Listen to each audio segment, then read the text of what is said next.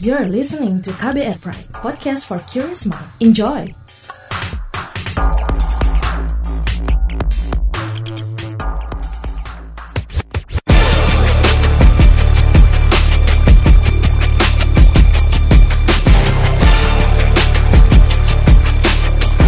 Cek fakta, cek fakta, cek fakta. Seperti apa postingan soal pembelaan Raja Agung viral? Bagaimana penelusuran kabar gugatan warga DKI Jakarta yang terkait banjir yang dimanipulasi? Kita akan kupas dalam cek fakta episode kali ini kembali bersama Ketua Komite Pemeriksa Fakta Masyarakat Anti Fitnah Indonesia Mafindo, Ari Bowo Sasmito. Saya berani menghadirkan topik teratas, periksa fakta Mafindo periode 11 sampai 17 Januari 2020. Hasil periksa fakta dengan tingkat engagement paling tinggi dalam forum anti fitnah hasut dan hoax atau FAFHH serta Instagram. Podcast ini bisa Anda simak di kbrprime.id setiap Senin dan di aplikasi podcast lainnya.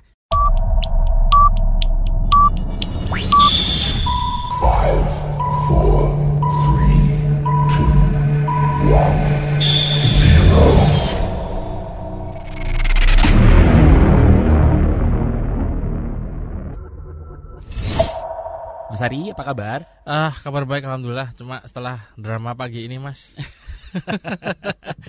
Ya namanya drama apalagi di pagi hari, jangan sampai ngerusak mood loh. Iya Iya kan? Saya nggak head Monday kok, Mas. Enggak hit I love ya. Monday, Mas. Oke. Assalamualaikum pendengar, Mas Mas, Mas Don, apa kabar? Baik, jadi Mas Ari. Number 5. Di posisi kelima pembelaan Raja Agung Sejagat. Jadi, ya, sebuah akun Facebook mengunggah screenshot atau tampilan layar yang menayangkan berita dari media daring dengan judul Pembelaan Raja Agung Sejagat yang plonga-plongo bisa jadi pemimpin. Masa saya ndak boleh jadi raja? Itu eh, di hari Rabu 15 Januari 2020. Nah, ini gimana nih, Mas? Ya, ini eh, untuk episode podcast kali ini kebetulan yang mendominasi dari eh, top 5 ini memang temanya sama, kon- eh, konten yang dimanipulasi gitu. Hmm. Walaupun ada ada yang beda sih, tapi eh, ini mendominasi.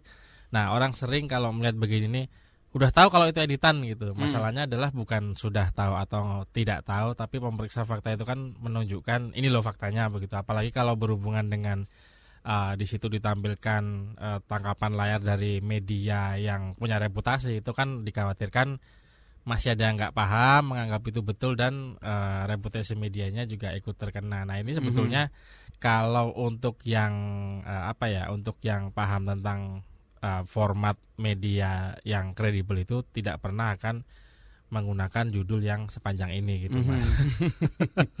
Gitu. Jadi dia mengambil uh, gambar dari Kompas judulnya apa terus dirubah jadi uh, tadi yang sudah disebutkan oleh uh, Mas Don gitu. Jadi sebetulnya uh, bahayanya adalah lalu kalaupun ada yang maksudnya ini bercanda lalu ini uh, bisa untuk bisa memancing emosi dan dari emosi itu biasanya eh, mengarah ke hal yang lain. Tapi yang lebih bahaya dari itu adalah sebetulnya ini kan ngambil tangkapan lain dari media yang punya reputasi gitu mas Iya. dari Kompas. Jadi memang eh, orang paham nggak paham tahu nggak tahu itu eh, suntingan atau editan atau memang eh, apa pun motivasinya ya memang harus diklarifikasi sih Oke. gitu. Jadi eh, hal seperti ini sekarang pun kalau dulu eh, orang taunya harus pakai laptop, pakai Google Chrome, terus pakai fitur ins- eh, apa em, inspect elements gitu ya. Eh, jadi tinggal diketik-ketik, eh, dirubah, lalu diambil tangkapan layar. Padahal aslinya nggak berubah, cuma berubah di laptopnya. Tapi sekarang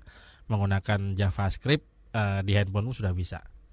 Number 4. Di posisi keempat, Wapres kaget aliran uang Jiwasraya masuk ke dana kampanye Jokowi Maruf. Jadi ini beredar postingan yang membagikan artikel berjudul Wapres kaget aliran uang Jiwasraya masuk ke dana kampanye Jokowi Ma'ruf dari Operain bener-bener saya nggak salah baca ini ya operainff.blogspot.com Postingan itu memberikan narasi bahwa artikel tersebut merupakan pengakuan Wakil Presiden Republik Indonesia Ma'ruf Amin atas kebenaran judul artikelnya. Gimana nih Mas? Ini em, dari blogspot sih ya? Ya, ja- betul, ya, betul begitu. Jadi umumnya kalau orang yang sudah paham eh, akan bilang ah blogspot dipercaya walaupun sebetulnya Nggak semua. nggak semua, Iya. tapi eh, bisa dibilang blogspot itu sekarang jadi korban, mas. Udah bertahun-tahun ini jadi korban Iya. karena mud- mudahnya orang menggunakan eh, situs blog untuk daftar, daftar tinggal pakai email, terus lalu meniru format dari media yang kredibel. Jadi Opera, kalau dulu Opera ini alamatnya Opera IND, Hmm. tapi setiap dia membuat pelintiran, uh, dibuat perisa fakta, terus diblokir oleh Blogspot, dia ganti alamat lagi. Dan itu uh, INF tadi Opera INF ya. Cuma Hmm. geser satu dari Opera IND berarti. ini F-nya sudah dua nih mas. Bentar Ah. lagi kalau kena blokir oleh Blogspot, jadi tiga mungkin Jadi F-nya. tiga ya. Gitu. Jadi memang ini perlu eh, perlu kejelian dari pembaca juga karena se mau diblokir berapa kali pun si pembuatnya tinggal ganti alamat daftar lagi terus diunggah lagi gitu. Jadi sebetulnya eh, sebut eh, narasinya cukup ini sih cukup eh, memancing emosi. ya. Ke- Betul. kekade- kekagetan Tuan Ma'ruf adalah bentuk pengakuan atas aliran dana Jiwasraya untuk pemenangan eh, Jokowi padahal ya bukan soal itu sih Eh, tidak ada hubungannya antara eh, kasus Jiwasraya dengan dana kampanye yang dibilang itu Hmm. pelintiran sih mas. Pelintirannya apalagi Hmm. mungkin karena uh, Jiwasraya sekarang lagi diobrolin, Hmm, lagi hmm. bermasalah Betul, gitu kan. eh, eh, Dikait-kaitin lagi hmm. ke gitu masih Iya. juga dikait-kaitkan. ngambil Ya tren mas lagi trending apa Betul. pelintirannya di di eh, apa dihubungkan dengan eh, soal itu jadi sebetulnya eh, Pak Wapres Maruf Amin itu cuma merespon oleh media bilangnya kita lihat saja nanti gitu kan itu masih butuh proses pembuktian kan Hmm. Number three. Di posisi ketiga, foto-foto pemusnahan Al-Quran dan segala sesuatu yang berkaitan dengan Islam di Turkestan Timur. Jadi ini ada sebuah akun Facebook memposting tiga buah foto yang diklaim sebagai pembakaran ribuan Al-Quran di Turkestan Timur, tepatnya terhadap Muslim Uyghur da, oleh pihak aparat Cina. Ini foto apa dan narasi apa yang ditempelkan di fotonya itu, Mas Ari? Iya, jadi eh, ini sebetulnya ada sebagian betul, tapi karena Mavindo sendiri tidak menggunakan kan beberapa media lain yang pakai kan eh, sebagian betul, sebagian salah gitu ya. Masalahnya adalah kalau kita ikut menggunakan itu, kita kan sering eh, berpikirnya gini, menganggapnya gini, kalau ada 10 berita 1 sampai 9 itu betul dan satunya salah yang akan kelihatan pasti salahnya. Makanya eh, kami lebih menggunakan kalau ada sebagian salah tetap itu dianggap salah. Jadi dari beberapa foto yang diedarkan itu cuma satu yang sebetulnya ada sedikit hubungannya dengan eh, Turkistan dibilang begitu. Jadi ada gambar Mhm. Aparat yang mengeluarkan eh, karpet, lukisan, eh, Al-Qur'an lalu di dibakar. Tapi sisanya sebetulnya itu eh, Al-Qur'an eh, tumpukan mushaf Al-Qur'an milik eh, kedutaan besar Arab Saudi yang di Maroko. Eh, itu kejadian tahun 2016. Jadi nggak ada hubungannya dengan kemarin sempat eh, trending tentang Uighur itu eh, kejadian tahun 2016 dan memang itu ada semacam prosedur peng, eh, apa penghancuran Quran yang salah. Jadi kalau Al-Qur'an rusak itu kan eh, tuntunannya adalah dikhawatirkan daripada disalahgunakan misal dipakai buat bungkus apa atau eh, disalahgunakan gitu harusnya dibakar. Nah, ini pada saat dari kedutaan besar Arab Saudi di Maroko itu meminta untuk ini dibakar nah sama eh, vendor lah ya sebutlah vendor vendor yang melaksanakan itu cuma tidak dibakar tapi dibuang begitu saja lalu diambil foto dan fotonya itu diedarkan itu jadi Hmm. memang ini dikhawatirkan adalah upaya untuk eh, mendiskreditkan Ya. dari pihak Arab Saudi tapi kejadian tahun 2016 dan ini sudah diklarifikasi Sudah diklarifikasi ya. Mhm. Oke. Number two. Di posisi kedua, Korlap FPI. Banjir di Jakarta adalah air mata malaikat yang jatuh.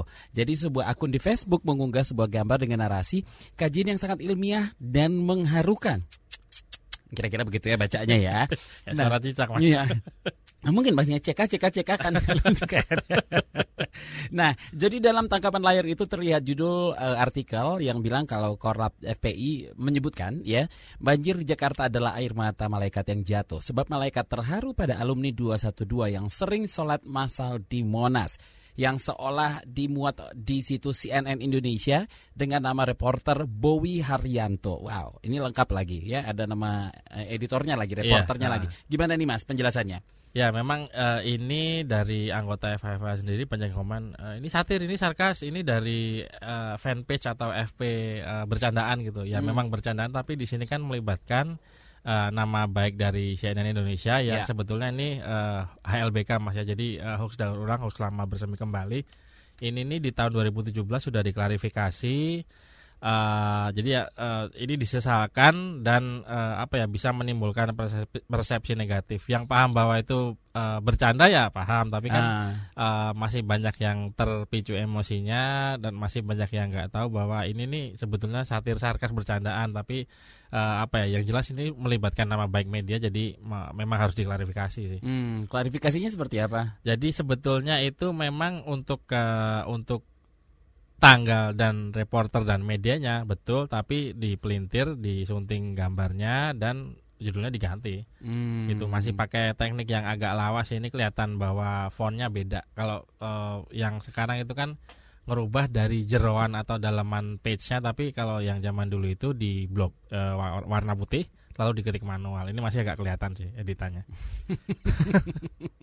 Tapi dari penelusuran teman-teman di Mapindo sendiri ini em, lebih banyak yang tahu bercandaan atau eh, seperti ya artikel yang benar gitu loh. Ini ucapan Ya. seorang korlap dari FPI. Nah, kalau anggota dari FAFH sendiri Forum Aktivitas Nasional Hmm. sudah banyak yang paham. Masalahnya adalah eh, ini rentan untuk dipelintir, Mas. Jadi Hmm. untuk eh, eh, satir sarkas itu kan sebetulnya bentuk kreativitas, Ya. gitu. Itu tidak boleh dianggap sebagai pelintiran, tidak boleh dianggap sebagai hoax, tapi sering kejadian sumbernya satir sarkas diambil lalu dipelintir pakai narasi yang lain. Jadi eh, seringnya justru bikin salah paham sih.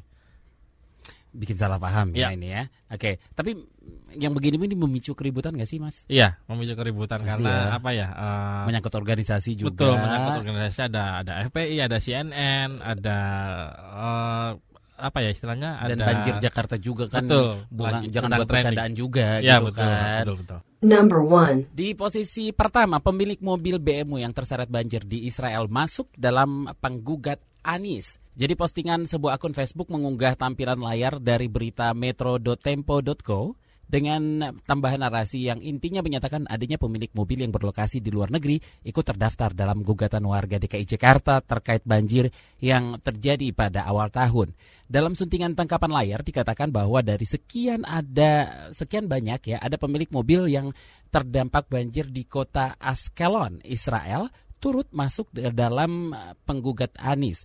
Jadi saat unggahan ini dibuat, postingan di atas sudah mendapat 7 komentar dan dibagikan 170 kali serta mendapat 99 respon. Ini masuk kategori apa ini, Mas?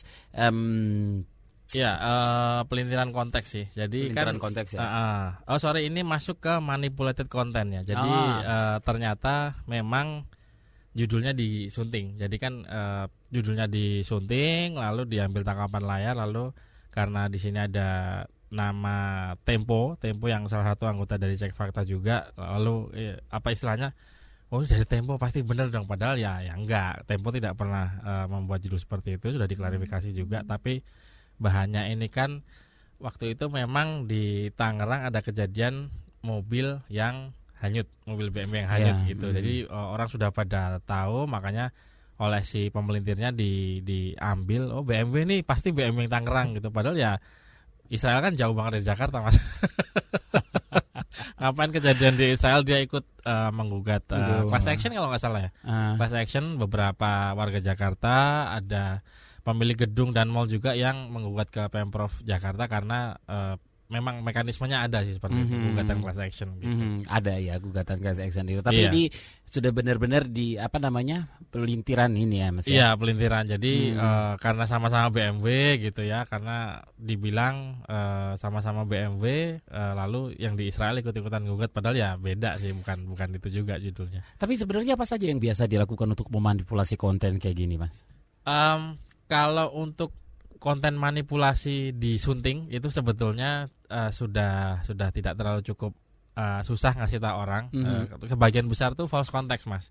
Fotonya betul eh, atau videonya eh, tidak Memang disunting ada, memang gitu. ada kejadian juga ada tapi dipelintir di narasinya gitu. Hmm. Kalau manipulate konten kan tidak terlalu eh, susah ngasih tahu ke orang-orang bahwa ini salah karena ini disunting diedit orang tahu oke salah gitu. Tapi kalau sudah Ada Sampai- buktinya, ada fotonya, ada videonya ada fotonya, gitu. videonya begitu. Hmm. Tapi itu disunting. Jadi orang juga akan paham, oh ini salah karena suntingan. Tapi kalau ngomongin eh, konteksnya dipelintir, misal eh, seperti tadi ya. Tapi kebetulan ini masuknya campur-campur sih, manipulated content juga uh, konteks yang di, dirubah juga iya. Tapi uh, kalau ngomongin 5W1 hanya dirubah nih gitu. Kejadian bukan di Jakarta.